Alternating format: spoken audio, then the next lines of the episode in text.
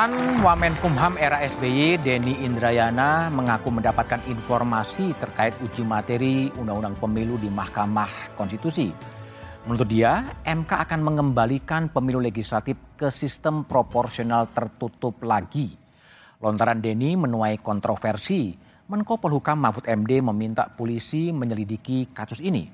Pasalnya, jika benar Denny mendapatkan informasi putusan MK sebelum dibacakan, Hal ini masuk kategori membocorkan rahasia negara. Benarkah Majelis Hakim Mahkamah Konstitusi sudah memutus uji materi Undang-Undang Pemilu ini? Dan apa implikasinya jika Mahkamah Konstitusi memutuskan pemilu legislatif menggunakan sistem proporsional tertutup lagi? Inilah tema satu meja The Forum. Benarkah pemilu tertutup lagi dalam tanda tanya?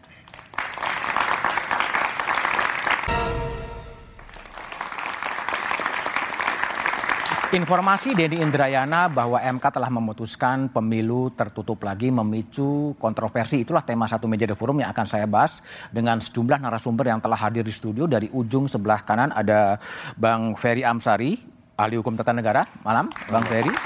Lalu kemudian ada Mas Ahmad Basarah, politisi dari PDI Perjuangan. Malam, Mas Ahmad Basarah.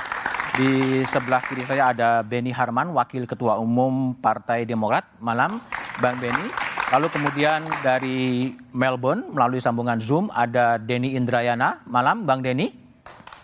Selamat malam semua. Kemudian ada juga Menko Polhukam Mahfud MD dari ND ya melalui sambungan telepon. Malam Pak Mahfud.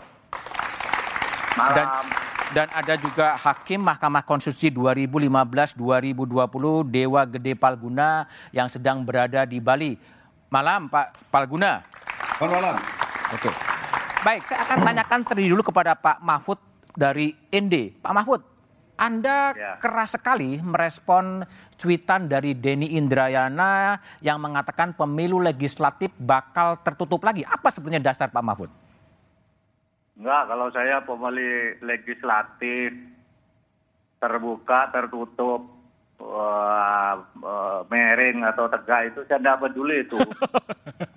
nggak peduli saya enggak karena soal terbuka tertutup. Yang saya sayangkan itu juga saya enggak peduli Denny ngomong gitu juga saya enggak peduli pada hmm. Denny-nya. Tapi karena yang dikatakan tuh info kredibel. Info kredibel, oke. Okay. Kalau, kalau info kredibel tuh tidak ada lain kecuali di dalam MK. Kalau dari luar pasti tidak kredibel hmm. kalau orang luar. Oke. Okay. Pasti dalam MK. Maka yang saya suruh selidiki ke, ke dalam ke, ke dalam kasus itu MK-nya. Saya, hmm. saya datangi MK cari itu. Merusak kehidupan hukum kita. Putusan pengadilan bisa menjadi info kredibel pasti dari dalam. Hmm. Nah, kalau Deninya sih saya enggak apa-apa mau ngomong terbuka, tertutup, mendengar dari A, si B, enggak, enggak apa-apa. Saya suruh dia, kamu terus aja ngomong. Saya tadi telepon-teleponan. Terus aja, saya enggak ada marah sama kamu. Saya bilang, tanya aja sama Deni nanti. Malah saya, saya, saya saya tugaskan kamu agar Anies itu dapat apa namanya dapat tiket jangan sampai terhalang saya bilang gitu demi hidupnya demokrasi gitu. Saya tidak ada urusan kalau urusan pencalonan siapa okay. lah. Okay. Tertutup, terbuka, tertidur, bangun, Asal jangan tertunda ya Pak Mahfud ya? Iya, asal jangan tertunda. Oke. Okay. Nah, saya tidak marah sama Denny. Saya suruh cari ke MK. Kalau ada orang dalam yang bocor-bocorkan itu sangat merusak. Oke. Okay. Saya ini jadi hakim ya. E, dulu enggak pernah bicara dengan orang. Beri, beri syarat apa sindir nomor perkara atau apa enggak mau. Sekarang okay. ini saya sudah delapan tahun enggak pernah ketemu dengan Saldi. Padahal dulu pagi sore dua hari saling telepon, main kopi bersama. Saya juga sama Saldi mengatur diri, enggak boleh ketemu kita karena kamu hakim, saya bukan. Okay. bilang nanti akan timbul fitnah. Uh, tapi tapi gini Pak Mahfud, Pak Mahfud tadi Denny mengatakan bahwa info kredibel itu bukan dari lingkungan MK. Kalau itu apakah kemudian bisa dikonstruksikan sebagai pembocoran rahasia negara? Loh, terserah. Makanya saya suruh, bagi saya kalau info kredibel itu bukan hakim MK, tapi bisa dari dalam MK. Saya, hmm. saya dengar sekjennya, kesekjenan, kepaniteraan mau diperiksa itu. Harus. Uh, mungkin mungkin memang bukan hakim. Hmm. Gitu. Tapi orang dalam itu kan banyak. Harus hmm. dicari kalau ada yang uh, pertama nguping beri nguping sidang dulu pernah udah saya orang saya pecat dulu hmm. pernah gitu kok bicara apa sidang rahasia bicara keluar nggak boleh itu. Di mana-mana di dunia ini nggak boleh hakim uh, sedang apa sedang memproses itu lalu bocor salah satu pembicaraannya itu. Nah, saya yang yang itu jangan rusak kredibilitas M MK itu dalam hal itu karena bisa terjadi jual beli nanti suatu saat bahkan diisukan juga dulu ada hakim-hakim yang tahu berita itu lalu dijual ke calon-calon ya. uh, hmm. peserta pilkada itu baru ketahuan sesudah karena apa okay. ya bayar padahal memang sudah diputus lalu memang sudah menang lalu diminta uang karena katanya mau dibenangkan karena memang sudah hmm. menang hmm. nah itu kan ulah orang dalam kan Oke. Okay. Nah kalau Dene itu memang kerjanya politik, kerjanya ngawasi dan bilang saya mau mau ngawal lakukan aja apa saja. Saya sering telepon-teleponan sama dia. Dia kalau ke Jakarta saya suruh mampir ke rumah, saya kalau ke Melbourne makan ke rumah dia. Tidak ada urusannya. Dan tidak marah sama Denny. Mumpung ada dalam Pak Mahfud, mumpung ada dalam satu panggung, Pak Mahfud berkenan tanya kepada Denny infonya dari mana kita agak lebih clear gitu? Enggak, Anda aja karena saya sudah tanya sama dia. saya tidak ingin tahu juga. Tidak ingin tahu. Artinya Pak Mahfud udah iya. tahu kira-kira informasinya dari mana gitu? Enggak. Saya udah anu saya sudah telepon-teleponan dengan Denny agak lama. Uh, ngomongnya lama ngomongnya kemarin kemarin ya kemarin saya ngomong begitu itu ribut uh, terus uh, saya datang ke MK bagi saya tuh anu saya datang itu harus dicari ini soal kredibilitas uh, pengadilan saya bilang kalau Denny tahu dari siapa saya tidak ingin tahu dari Denny pasti tidak akan buka okay. pasti tidak bakal buka dia. Okay. Nah, kamu paksa pun, Mas Budiman paksa pun sekarang melalui video Zoom tidak bakal buka dia. Bunuh diri kalau buka itu. Oke, okay. tapi hasil kelanjutan dari penyelidikan kepolisian gimana Pak Mahfud? Oh, enggak tahu saya. Kan saya tidak anu, saya tidak apa bukan saya pelapornya. Saya kayaknya MK sendiri yang akan melakukan tindakan gitu ya. Oke. Okay. Uh, ke dalam mau meriksa, lalu yang keluar suruh cari ke polisi. Nah menurut saya itu tepat gitu. Menurut saya sangat tepat. Tapi bagi Denny, apakah Dan, kan kalau bagi, memang terbukti membocorkan enggak. rahasia negara akan ada sanksi gitu, Prof Mahfud? Oh, enggak tahu, terserah polisinya. Terserah nanti, polisi terserah ya? Hukum ya. okay. Tapi saya sama, saya sama sekali enggak menyalahkan Denny. Saya kan di situ di Twitter saya tuh supaya dicari itu siapa okay. yang mengaku sebagai A1 Oke. Okay. Karena kredibel itu, kredibel itu artinya satu kalau dalam ilmu intelijen dibahasakan hmm. bahasa sosial. Ya, bahasa ilmu sosial. Kalau ilmu intel A1 itu artinya sangat kredibel gitu. Pasti dari orang dalam. Nggak mungkin orang luar bisa kredibel kalau tidak nguping. Kan gitu. Wong itu sidangnya tertutup, ada di lantai 16 di MK itu. Nggak boleh orang masuk, kedap rekaman. Oke. Okay. Masuk. Oke, Pak Mahfud, saya geser ke Denny Indrayana terlebih dahulu ya, sedikit ya. Bung Denny. Nah, saya tutup aja ya. Oh, tutup. Oke, baik, baik. Pak Mahfud, terima kasih ya. Udah malam di ND ya. Oke, baik. Baik, baik. Oke, saya kembali ke uh, Bung Denny Indrayana. Bung Denny, informasi nah. kredibel yang Anda peroleh itu dari Anda sendiri atau dari mana? Mas, kalau yang terkait yang saya tweet, biarkan nanti saya sampaikan pada yang berwenang lah. Nanti kan ada pemeriksaan, hmm. sudah masuk proses hukum. Tapi saya kasih gambaran beginilah, kenapa yang kredibel itu tidak perlu hadir dari Mahkamah Konstitusi. Oke. Okay. Satu, sekitar beberapa waktu yang lalu, eh, misalnya saya dihubungi oleh Ketua DPD, Pak Lanyala. Pak Lanyala. Oke. Okay. Ya, ini ini bukan terkait dengan tweet ya supaya tidak ya. salah paham.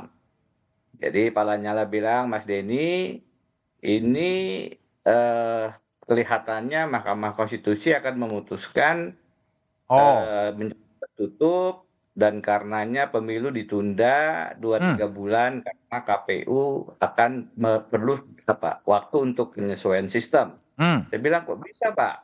Iya begitu. Itu salah satu contoh masa ketua DPD tidak kredibel.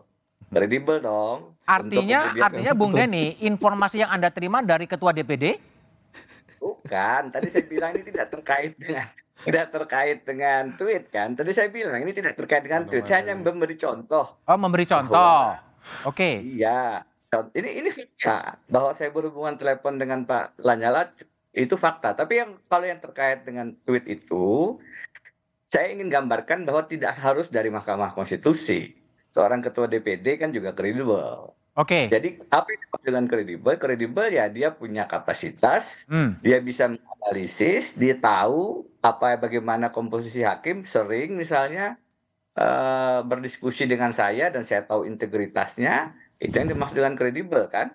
Tapi gini, nah, Bung Deni, ini Bung Deni, ini kan sebetulnya MK belum memutuskan apa-apa ya, kalau penjelasan dari MK gitu.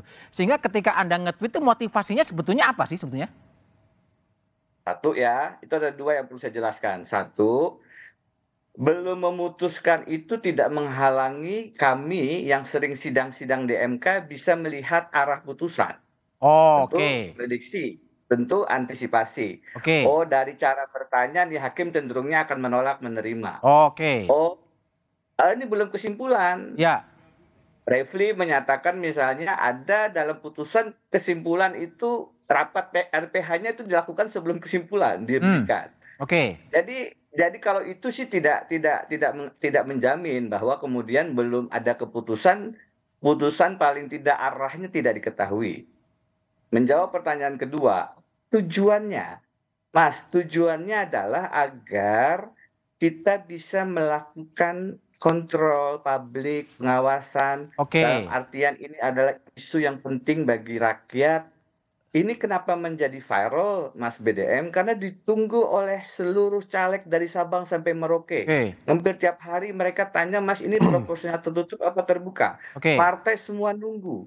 Sehingga kemudian ini sangat penting dan sangat strategis. Okay. Kita punya pengalaman tanggal 25 Mei, Pak Guna mengatakan itu perpanjangan Hakim MK itu aneh bin ajaib putusannya kalau sudah begitu diputus tidak bisa lagi dikoreksi. Oke, ini Bung Deni, Bung Deni, ini kan ini kan menarik juga karena ada orang yang kemudian mem, me, apa, me, mem, membaca pernyataan Anda untuk meningkatkan elektabilitas dari Partai Demokrat. Betul nggak sih itu?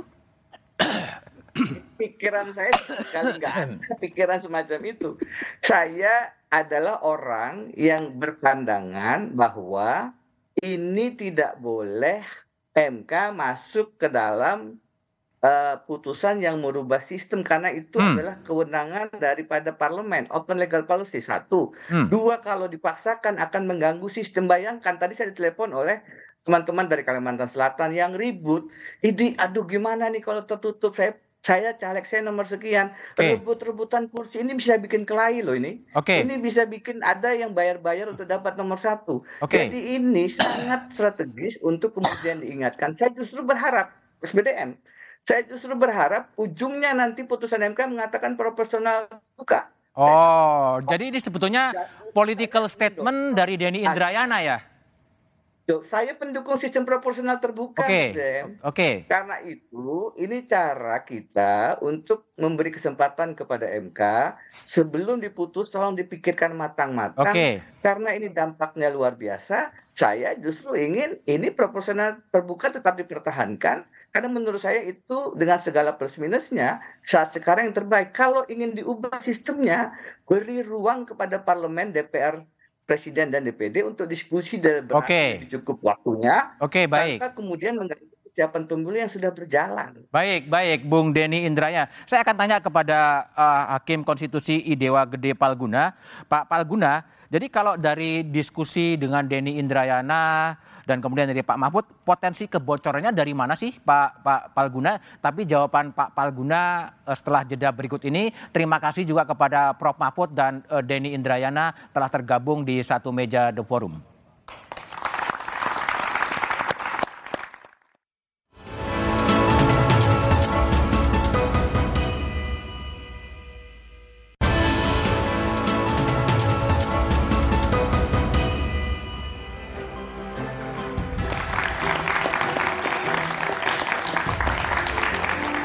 Masih bersama saya Budiman Tanurjo di satu meja The Forum. Saya ke Pak Palguna, Hakim MK 2015-2020. Pak Palguna, kalau tadi sesuai dengan penjelasan Bung Denny dan tweetnya Bung Denny, ini informasi kredibel itu apakah mungkin bocor dari Mahkamah Konstitusi?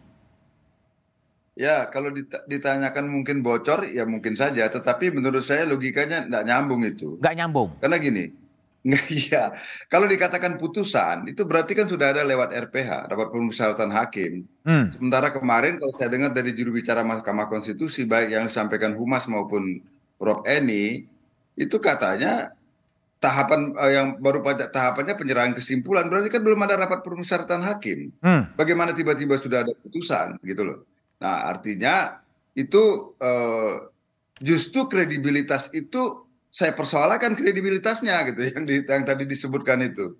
Gimana ceritanya? Nah, artinya itu secara logika bagi saya orang yang pernah berada dalam posisi sebagai hakim konstitusi. Menurut saya logika itu nggak benar. Nah, tapi kan Dani, Prof. Denny tadi sudah menyampaikan. Rupanya itu adalah kesimpulan-kesimpulan analisisnya sendiri melihat hmm. gelagat cara-cara hakim bertanya begitu kan? Tapi mungkin kan dibaca dari tren dan kecenderungan uh, apa pikiran-pikiran dari hakim konstitusi? Belum tentu. Belum tentu. Belum tentu kalau Mas Budiman belum tentu kalau Mas Budiman mengikuti cara saya bertanya misalnya acap kali yang putusan saya pendapat pendirian saya justru sebaliknya dari yang saya tanyakan di, di ruang sidang. Hmm. Kan itu cara menggali keterangan macam-macam Mas, menggali keterangan ahli untuk memperoleh, memperoleh perspektifnya misalnya. Saya harus konfrontir sama dengan Anda wartawan kan harus hmm. attacking untuk mendapatkan itu bukan berarti Anda siap dengan apa bukan Anda berada dalam posisi itu kan. Jadi kalau Pak Palguna baca lontaran pernyataan dari Bung Denny sebetulnya apa? Dia mengatakan informasi yang kredibel meskipun bukan dari lingkungan Mahkamah Konstitusi. Nah itu dia yang jadi persoalan buat saya. Kalau maksudnya adalah seperti tadi, maksudnya saya bukan membela Mahkamah Konstitusi mas. Saya, ya. anu saya, saya kemarin saya mengkritik keras Mahkamah Konstitusi soal putusan itu. Tapi menurut saya kalau tujuannya adalah untuk mencegah Mahkamah Konstitusi dijadikan sebagai alat katanya, untuk mengawal Mahkamah Konstitusi katanya uh, Prof Denny tadi, ya caranya jangan dengan menyampaikan uh, uh, apa narasi yang justru mengarahkan rakyat untuk tidak percaya kepada Mahkamah Konstitusi ini berbahaya menurut Oke, saya. oke, baik, baik Pak Markunda. Saya ke Beni Harman, Denny Indrayana dan sekarang saya pindah ke Beni Harman. Bu Beni, Anda juga membela pernyataan atau informasi kredibel yang uh, diperoleh dari In, Denny Indrayana. Ini apa? Pembelaan karena sama-sama dari Demokrat atau gimana? ya eh, tidak juga sih. Tapi Anda Di, tanya nggak ke Bung Denny informasi apa sih gitu? Uh, saya tanya, huh? tapi sebelum saya tanya, saya yakin sekali apa yang disampaikan oleh Bung Denny memang begitu adanya. Begitu adanya tuh gimana? Begitu adanya artinya memang betul demikian. Apa itu? Paling tidak mungkin ya suasana kebatinan di komunitas hakim MK hmm? memang seperti itu. Dari mana tahunya? Ya itu tadi pasti ada informasi dari dalam dan dari dalam dari dalam belum diputuskan. Bisa saja belum diputuskan, tapi suasana kebatinan itu bisa dibaca. Gimana membaca suara kebatinan? Suasana kebatinan ya itu bisa dilihat gelagatnya, oh. suasana di dalam itu dan okay mungkin ada orang dalam yang bisa membaca ini dan menyampaikan kepada Pak Denny. Itu oh, satu soal. Okay. Soal yang kedua adalah kalau toh itu betul Denny mendapatkan informasi orang dalam, saya memberikan apresiasi tinggi kepada Bung Denny mm. dan kepada orang dalam yang telah membuka informasi itu kepada Bung Denny hmm. dan Pak Denny menyampaikan itu kepada publik. Hmm. Mengapa hmm. saya katakan begitu? Ini penting, Pak Mas Budiman. Saya ingat betul Mahkamah Konstitusi periode-periode sebelumnya, ketika masalah ada hakim, ada masalah jual beli putusan di Mahkamah Konstitusi. Itu kan informasi orang dalam. Oke. Okay. Informasi orang dalam itu disampaikan kepada penegak hukum atau bahkan kepada publik, kemudian penegak hukum menindaklanjuti informasi orang dalam. Maka ketika Bung Denny menyampaikan itu saya nggak kaget. Nggak kaget ya? Nggak kaget, malah saya membenarkan betul itu. Oke, tapi Dan gini, kita harus Bung Benny, kita coba lihat ya, koreksi, ya, tweet dari Pak Pak SBY ya. Pak SBY kan uh, membuat sebuah uh, cool tweet yang cukup panjang sebetulnya. Iya, iya. Mungkin bisa ditampilkan uh, tweet dari uh, Pak SBY. Uh, yang kira-kira menyebutkan uh, bakal ada apa ya uh, chaos politik ya chaos politik chaos seperti apa sih yang dimaksudkan ya ini? ya menurut saya saya menduga itu pun akan terjadi chaos politik. Hah? Coba bayangkan proses caleg ini kan sudah berlangsung. Oke. Okay. Ya, sudah berlangsung semua partai politik, sekian hmm. banyak partai politik sudah mengajukan nama-nama caleg dengan ada hope juga yang dianut itu adalah sistem terbuka sehingga ada semangat untuk ikut ambil bagian sebab ada kompetisi. Oke. Okay. Ada sistem pemilu yang open sis open competition kan begitu maka semangat orang untuk ikut oh ini. ditutup ya kan begitu ah tiba-tiba ada informasi gini ini kan ini kan ya mengacaukan mengacaukan mengacaukan coba bayangkan itu oke okay. coba okay. Makanya menurut saya kalau toh memang begitu itu silakan. Oke. Tetapi nanti aja lah ya. Akan datang lah. 2029. Ya kan? Di tengah-tengah proses. Ini. Oke. Ini Jangan kan, berubah aturan ya. Oke, okay, baik, Bung Basarah. Bung ini Bung Basarah lihatnya gimana nih kok ada statement dari Bung Denny kemudian gaduh. Kalau PDIP sendiri menyikapinya gimana? Gini Mas BDM. PDI Perjuangan itu sejak zaman PDI Promega, hmm?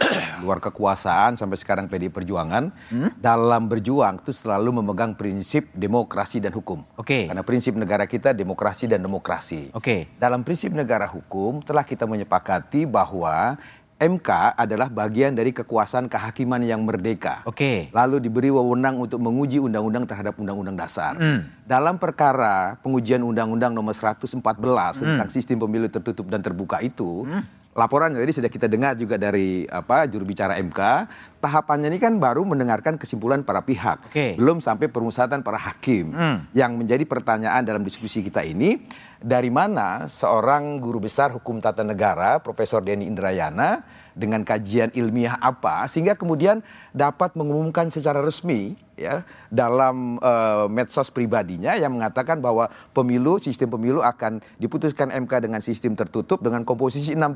Okay. Gitu kan.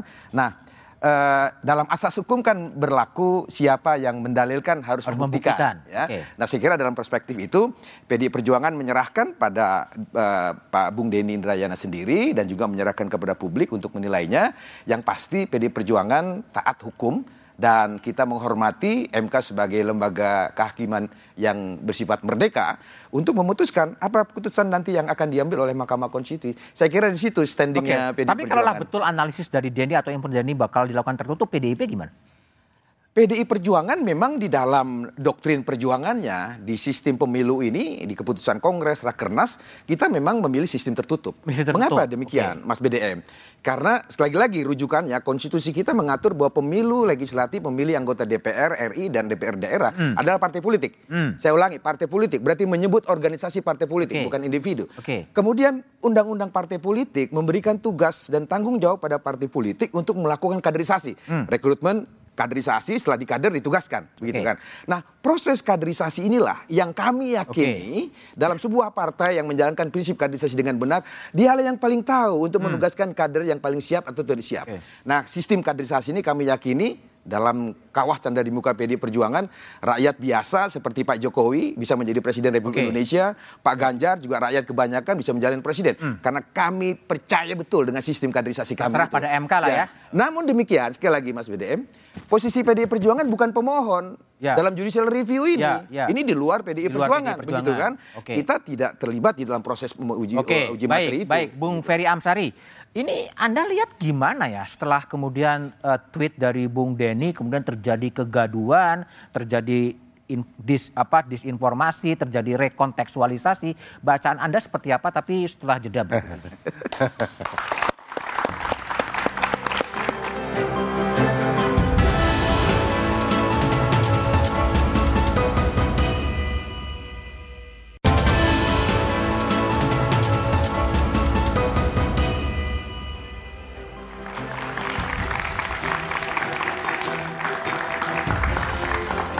bersama saya Budiman Tanurjo di satu meja The Forum Ferry Amsari. Ya. Bung Ferry, uh, ini cuitan Denny Anda yang baca seperti apa sih? Kalau secara prosedur hukum acara Mahkamah Konstitusi memang hampir sulit kalau sudah ada putusan. Sebab pihak-pihak baru memasukkan kesimpulan. Oke. Okay. Ada 14 pihak terkait, satu pemohon, dua termohon. 17 kesimpulan. Hmm. Perlu dibaca itu oleh Perlu dibaca hakim, semua ya. ya. Oke. Jadi dan baru dalam proses itu.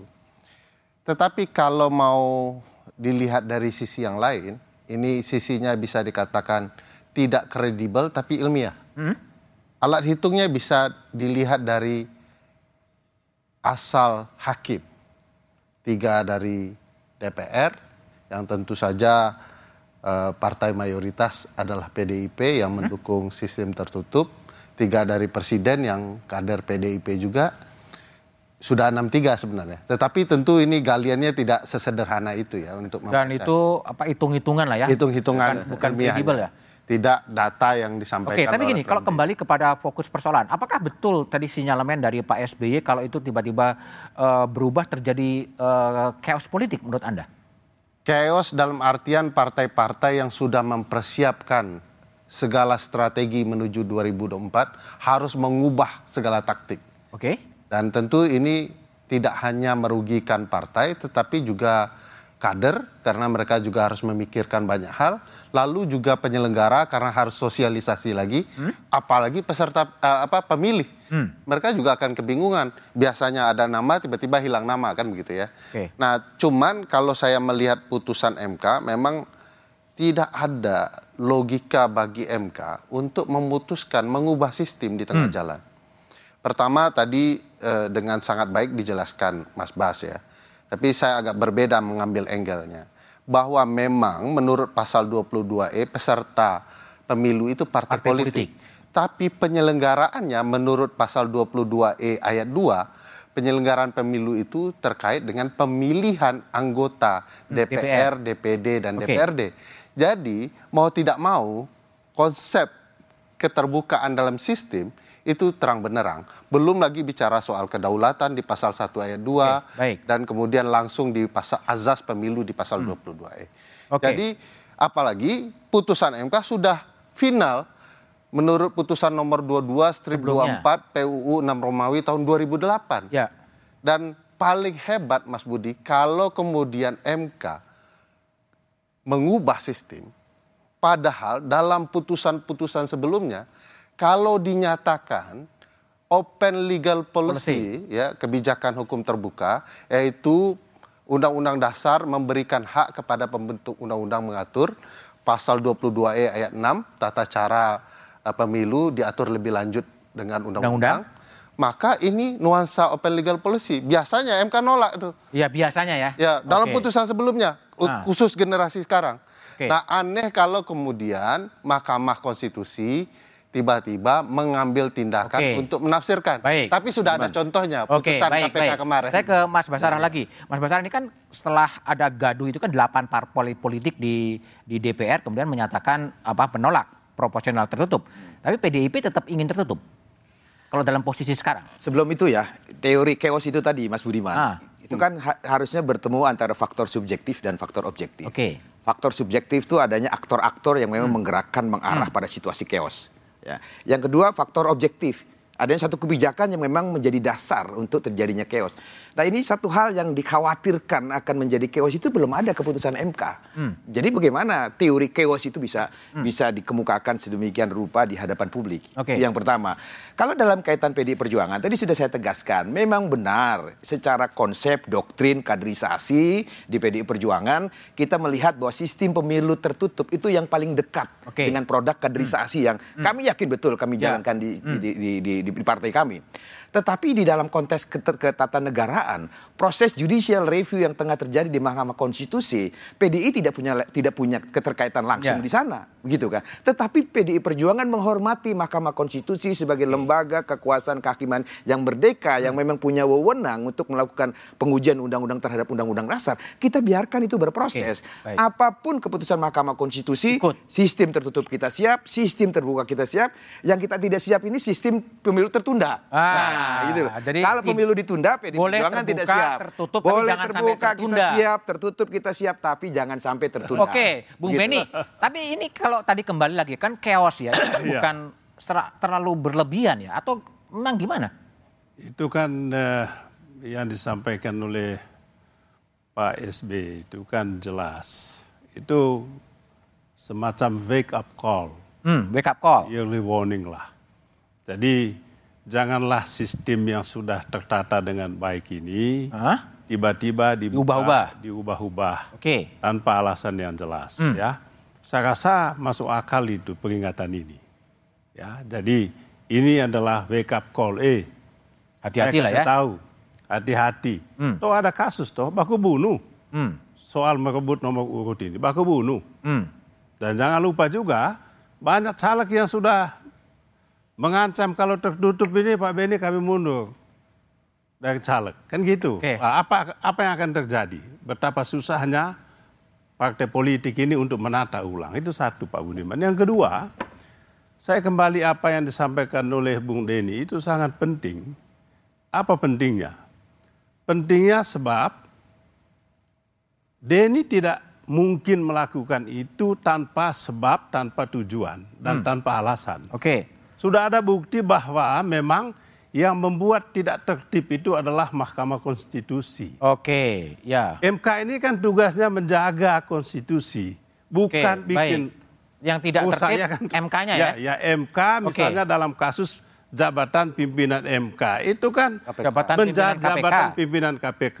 Ini kan open legal policy. Oke. Menjadi kewenangan pembentuk undang-undang, okay. yaitu presiden okay, dan baik, DPR, baik. kan begitu. Oke, saya tanya ke Pak Palguna. Ya. Pak Palguna, ini tadi ada kritik juga ya. dari Beni yang mengatakan yang tidak tertib kadang Mahkamah Konstitusi juga. Pada tahun 2008 kan MK sudah memutuskan bahwa pileknya dilakukan secara terbuka. Apakah saat ini dari sisi konsistensi bisa memunculkan putusan yang berbeda? Secara teori hukum bisa, Mas. Cuma bisa. gini, bisa gini. Boleh, boleh saya menyerahkan dua menit ya? Yuk. Gini. Pendek aja. ya gini. Eh, ah, kalau pendek ini susah juga ini kan gini.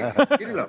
Uh, di, di Amerika Serikat yang tutup pada sistem presiden itu mengubah putusan Mahkamah Agung itu biasa. Cuma alasan untuk berubahnya itu jangan Power Rangers gitu loh. Oh, Oke. Okay. Gak ada kayak nggak ada alasan tiba-tiba berubah gitu. Hmm, hmm. Nah itu alasan dulu misalnya pemisahan sekolah atas dasar warna kulit itu dikatakan konstitusional di sana. Okay. Tapi setelah kasus Brown versus Board of Education tahun 53, putusannya berbalik 180 derajat. Hmm. Yang jadi soal bukan bagi mengapa itu berubah. Yang jadi soal adalah bagaimana hakim menjelaskan di dalam rasio desiden di putusannya mengapa dia berubah dari presiden. Tapi dalam konteks Indonesia untuk kasus Mahkamah Konstitusi itu saya setuju dengan yang disampaikan Ferry tadi itu adalah open uh, bagian legal policy. Open legal saya, policy. Saya, saya tidak menjabarkan open legal policy, hmm. tapi itu adalah bagian dari pembentuk undang-undang untuk mengurusnya. Hmm. Nggak boleh Mahkamah Konstitusi masuk ke soal itu. Sebab sistem yang mana pun mau terbuka mau ya. tertutup, ujungnya sesungguhnya adalah ada pada apakah partai politik kita sudah melaksanakan fungsi-fungsi minimum partainya Oke. untuk tapi partai politik ya, yang baik. Tapi jang, jangan lupa pula Jadi, Pak Palguna. Dua, di 2008 MK juga pernah memutus judicial review sistem pemilu dari sistem hybrid menjadi sistem terbuka pada waktu itu. Jadi ada jurisprudensi hukum yang sudah pernah dilakukan juga oleh Mahkamah Konstitusi di, di 2008 untuk sistem pemilu ini. Saya mengatakan tadi Mas Bas, harus ada argumentasi hukum dalam hmm. rasio desiden di putusan mengapa berubah. Jangan okay. power rangers kan saya mengatakan begitu tadi. Hmm. Kalau ada ada ada alasannya, boleh tapi alasannya alasan konstitusional dong. Ya. Jangan alasan kayak TikTok gitu loh. Harus harus benar kalau nah, konteks nah, ini, yang sekarang ini kan MK belum mengeluarkan keputusan, nah Pak itu, makanya saya mau masuk ke persoalan terakhir yang mau okay. saya tanyakan. Oke, okay, silakan Pak Buna. itu sekarang siapa? Kan pernyataannya Denny. Ah, di situ. Oke okay, ya, jadi kan memang ini ini belum Bukan jelas gitu. Ini semata-mata uh, analisis dari Denny Indrayana yang seakan-akan MK itu sudah memutuskan memutus, pemilu ke tertutup dengan komposisi enam tiga. Gitu Oke, okay, uh, Pak Palguna. Kembali ke Benny. Ben, kalau memang ya, kalau memang sinyalemen atau informasi kredibel yang diperoleh Denny Indrayana itu betul bahwa kembali ke sistem uh, tertutup, Demokrat mau ngapain? Tapi jawabannya setelah jeda berikut ini.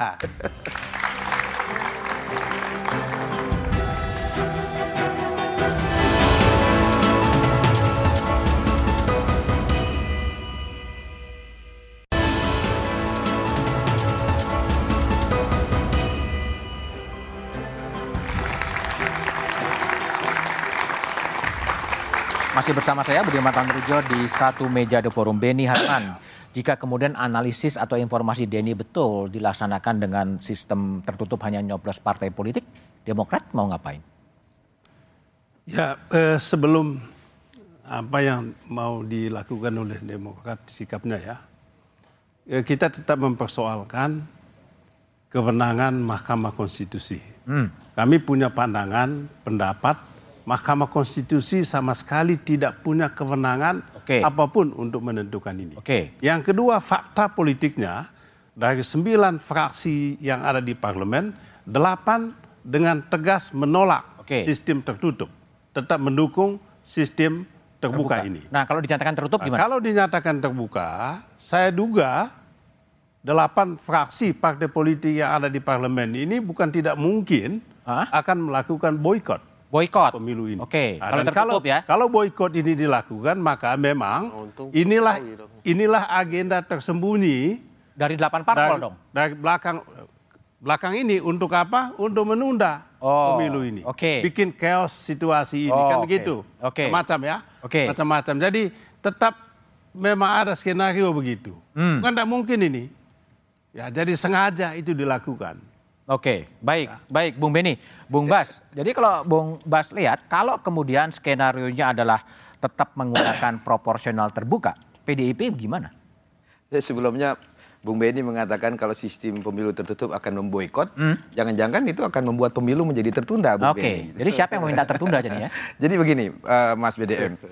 Bagi PDI Perjuangan sekali lagi dalam hal berjuang kita selalu memegang teguh pada prinsip hmm. demokrasi dan prinsip hukum kita hormati kewenangan MK dalam menguji undang-undang okay. pemilu sistem tertutup terbuka ini. Kita tunggu PDI Perjuangan pada posisi yang menunggu saja keputusan apa yang okay. akan diputuskan oleh Mahkamah Konstitusi. Mau memutuskan terbuka kami siap, memutuskan kami tertutup siap. siap. Okay. Kami tidak mau mencampuri, mengintervensi, okay. apalagi menakut-nakuti Mahkamah Konstitusi untuk mengambil keputusan uh, sesuai dengan kemauan kami. Okay. Karena kita menghormati masing-masing kewenangan lembaga. Oke, okay. baik, itu. baik, Bung Bas. Uh, Pak Palguna, jadi sebaiknya kalau Bung Palguna yang pernah dihakim konstitusi, kira-kira gimana sebaiknya apa negarawan yang menguasai konstitusi yang akan memutuskan hmm. uh, sistem politik, uh, sistem pemilu yang terbuka dan tertutup itu, Pak Palguna? Satu, yang saya mau katakan, sekali Mahkamah Konstitusi mengatakan itu legal policy, taati itulah. Hmm? Kecuali terdapat fakta lain, misalnya ada perubahan dalam sistem ketatanegaraan yang menyebabkan Eh, bahwa sesuatu yang dulu dikonstruksikan sebagai legal policy itu ternyata menjadi persoalan yang bisa dimasalahkan konstitusionalitasnya. Itu kan soal yang lain. Nah, saya tetap beranggapan cara-cara seperti ini adalah bentuk intervensi terhadap pengadilan. Hmm. Dan itu tidak bagus dalam kalau kita berbicara tentang constitutional democratic state. Kalau cara-cara tuduhan semacam ini maksudnya. Okay. Tetapi bahwa ada harus ada kontrol terhadap pengadilan dalam pengertian yang positif, yang konstruktif itu sangat penting. Itulah sebabnya maka sebagai imbangan dari judicial independensi itu dibutuhkan yang namanya judicial accountability. Hmm. Salah satunya adalah kewajiban hakim untuk membuat pertimbangan yang seargumentatif mungkin sehingga publik yang awam pun memahami mengapa ia tiba pada kesimpulan bahwa A, B, C, D dan seterusnya begitu. Jadi tetap yang legal, open legal policy tetap open legal policy, tetap accountable dengan argumentasi yang memang masuk akal ya Pak Balguna ya? Ya betul. Jadi dia apa yang sudah dikatakan uh, legal policy taati itu. Oke. Okay. Nah, kecuali itu yang tadi saya katakan ada nggak alasan untuk mengubah pendirian itu seperti yang dilakukan oleh Hakim Agung Amerika Serikat dari dari apa namanya mengubah uh, sekolah yang tadinya nggak pemisah uh, sekolah atas dasar warna kulit itu tadinya bertentangan dengan undang-undang dasar, tidak bertentangan dengan undang-undang dasar menjadi bertentangan. Ah, itu kan perlu okay. argumentasi yang benar-benar luar biasa. Okay. Kalau tidak ada itu nggak ada alasan hmm. untuk uh, menyatakan uh, Oke, okay. baik Pak Palguna. Bung Ferry, jadi kalau kemudian betul ya, bahwa MK kemudian akan menjadi uh, pemilunya menjadi tertutup, implikasi-implikasi apa yang bakal terjadi sebetulnya? Ya, pertama dari sisi MK terlebih dahulu ketika mengubah. Tadi uh, Pak Pagulnya sudah menyinggung soal boleh diubah kalau ada kondisi. Memang di dunia ilmu kekuasaan kehakiman ada dua alasan. Satu ada uh, keadaan konstitusional baru, kedua terjadi perubahan konstitusi itu sendiri. Jadi batu ujinya sudah berubah tentu boleh okay. tafsir baru. Nah kalau tidak konsekuensinya adalah jika hakim itu terdata mengubah sikap berhukumnya, hmm? dia masuk ke pelanggaran etik. Pelanggaran etik. Pelanggaran etik karena dia selalu menggunakan cara berpikir hukum berbeda-beda. Hmm. Karena diduga pasti ada kepentingan bukan soal penegakan hukum. Jadi kalau dia sudah berbeda, kasus ini open legal policy, besok lain lagi okay. itu pelanggaran. Terhadap pemilunya sendiri? Nah, dalam konteks pemilu saya sudah mengatakan ini tidak sehat di tengah jalan tahapan berlangsung tiba-tiba terjadi perubahan. Mas Bas betul ada juga waktu itu di tengah jalan, tapi itu hmm. tafsir yang harus kita anggap okay. sebagai pengalaman buruk yang tidak boleh berulang.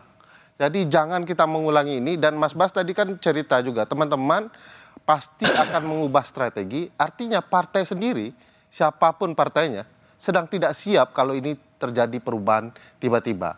Oleh karena itu, MK juga harus menghormati konstitusi kita, putusan mereka sendiri, bahkan partai politik, peserta pemilu ya, dan para pemilih. Gitu. Oke, baik Bung Ferry Amsari, Mas Ahmad Basarah, Bung Beni, dan Pak Palguna, terima kasih telah bergabung di satu meja The Forum.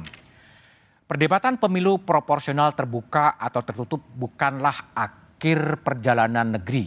Bangsa ini pernah menjalani sistem tertutup pernah melaksanakan sistem setengah terbuka, juga pernah melakoni sistem terbuka. Semuanya ada untung dan rugi. Perdebatan publik tak perlu direspon elit dengan pernyataan menakut-nakuti atau mengintimidasi atau malah untuk kekuatan politik. Pemilu bukan hanya milik elit, tapi sarana demokrasi untuk kepentingan publik. Mahkamah Konstitusi perlu bijak mengambil posisi bukan hanya sekedar perpanjangan proksi karena MK terlanjur ditempatkan sebagai penjaga konstitusi. Ibarat sebuah permainan, janganlah MK mengubah aturan di tengah jalan. Itu bukan mencerminkan tindakan negarawan. Pemilu akan kita laksanakan 14 Februari 2024. Pastikan untuk tetap mengikuti perkembangan terkini melalui Kompas TV, independen, terpercaya, Demikian satu meja The Forum malam ini. Sampai jumpa pekan depan. Selamat malam dan terima kasih.